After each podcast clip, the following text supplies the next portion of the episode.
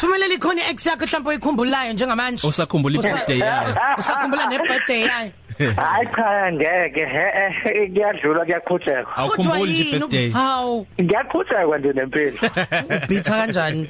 Betha sibonge kakhulu ngesonto elidlula. Abantu bathokozile ukuthi bacaciseleke ukuthi ngabe kwenzakalani kulama cellphone companies. Namhlanje kodwa sikhuluma ngalamazwe lawa kwizwekazi Afrika obekuhambe kuhambe ukuthi kusabalwa amavoti kucime. Kwenzakalani la? Kusuke kwenzakaleni mfowethu? Awusixoxele ngoba hey kuningi. Ke kukhona njengemalawi nje ngesonto elidlula ukuthi kuthe kusabalwa eh, kwavalwa internet abantu bangakwazi ukuphumana eh, kube amahora ayisithupha ungathi amahora ayisithupha kuphela. Kodwa ikhathi eningi abantu baye bathi kusuke kukhona baphezulu kwakho mengabe kwenzeka into efana nalezo. Ungathola ukuthi mhlambe abanye baye bathi kusuke kusaphekwa ama results ngoba siyazi ukuthi imphumela khona bake bathi ukuyiphikisa khona eMalawi ngale isonto elidlule. Um kuke kwenzeka futhi nase uh, DRC bavote ngo December 31 eDRC ngalusuku lokuvota wathola ukuthi internet ayisasebenzi kwaba insuku ezimbalwa ke khona internet ingasebenzi eDRC abantu belinde yona imphumela ingaphumi imphumela yakhona. Yabe siphuma ke sikhipha ukuthi ubani umongameli abantu bakhona nakhona babethi kwangathi sekuphekwa yona imphumela kuyini imphumela ingasaphumi? Kanti ngesinye isikhathi ke kwenzeke uma ngabe kunembhikisho njengoba sabona eSudan ngoDecember um kwakunembhikisho abantu bekhalela inani lesinkwe kuthiwa la vele lakhuphuka ngoba ina nje elisimanga into ongakwazi abantu abaningi abangakwazi nokuyi afford emva kwalokho um base nakhona bevala yona internet emva kwalokho abantu base bebhikishela ukuthi umongameli ehle esikhundleni. Omar al-Bashir wagcina ehlileke esikhundleni abantu ngenxa yembhikisho yabantu. So ukuthi uma ngabe kubhikishwa abantu abasakwazi ukuphumana abanye bayaboshwa abanye bayashawa emgaqweni. Sabona abantu be um, ababekwazi ukungena kuma amahhotela aye nendlela zawo uh, zokuba neinternet.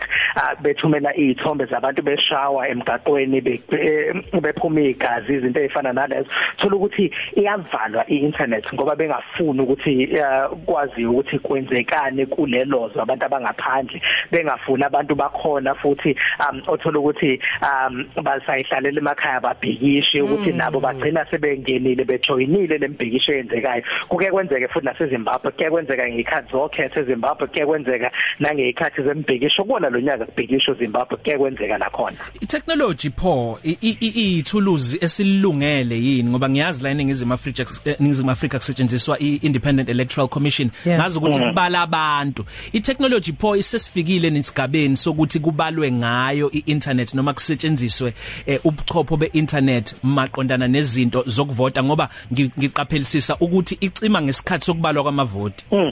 Um into ekhona uh, wena siya ukuthi um abantu angithi mengabe ephuma amavoti uthola ukuthi um la kubalelwa khona wonke amaqembu asuke namalunga awo abhekile. Uh ukuthi kubalwa kanjani izinto senzeka ngendlela yini ukuthi ngesikhathi kubalwa uthola ukuthi kuyavezwa khona lapho uh kuleyo voting station ukuthi kusahamba kanjani. Um uthola ukuthi abanye bazongena ke enkundleni zokuxhumana basho ukuthi hayi nasi isithombe siyasibona kusahamba kanje la. Kanti uma ngabe kuukuthi abasafuna ukwapheka lawo mavoti um wena sewuzikhiphile izithombe abantu sebeqalile uh ukuthumelana izithombe ukuthi kuhamba kanje kule voting station kunzima ukuthi kuphekwe into ebhalwe phansi ephepheni abantu asebeyibonile.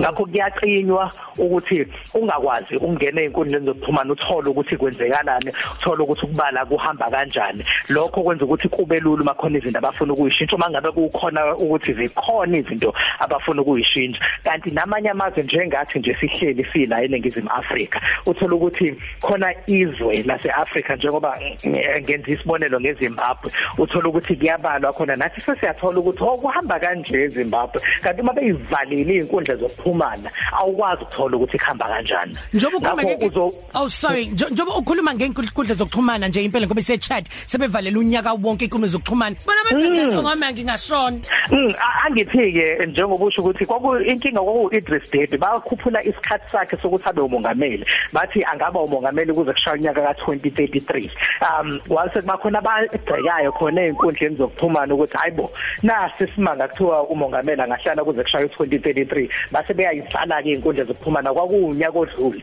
Sekuphela isikhathi singaphezulu konyaka so sekuunyaka ne eh, nenyanga ezimbadlwana echat izivaliwe inkundla zokuxhumana abantu bengakwazi ukungena khona yaqala khona lapho kuthiwa umongameli angahlala esikhundleni ukuze kushaya unyaka ka2033 umongameli lokhona njengamanje Siyabonga kakhulu ukuthi thina asibanga ne shutdown njoba ade kuvotwa nje ningizimu Hey, Afrika. masi ngapha. Siyabonga kakhulu mancinza sophinde sixoxe ngesonto elizayo. eh sibonge bye sifimelele usibingelele kwi ex yakho Siri 12 to 3 nosiyana selbionze ku Khosi FM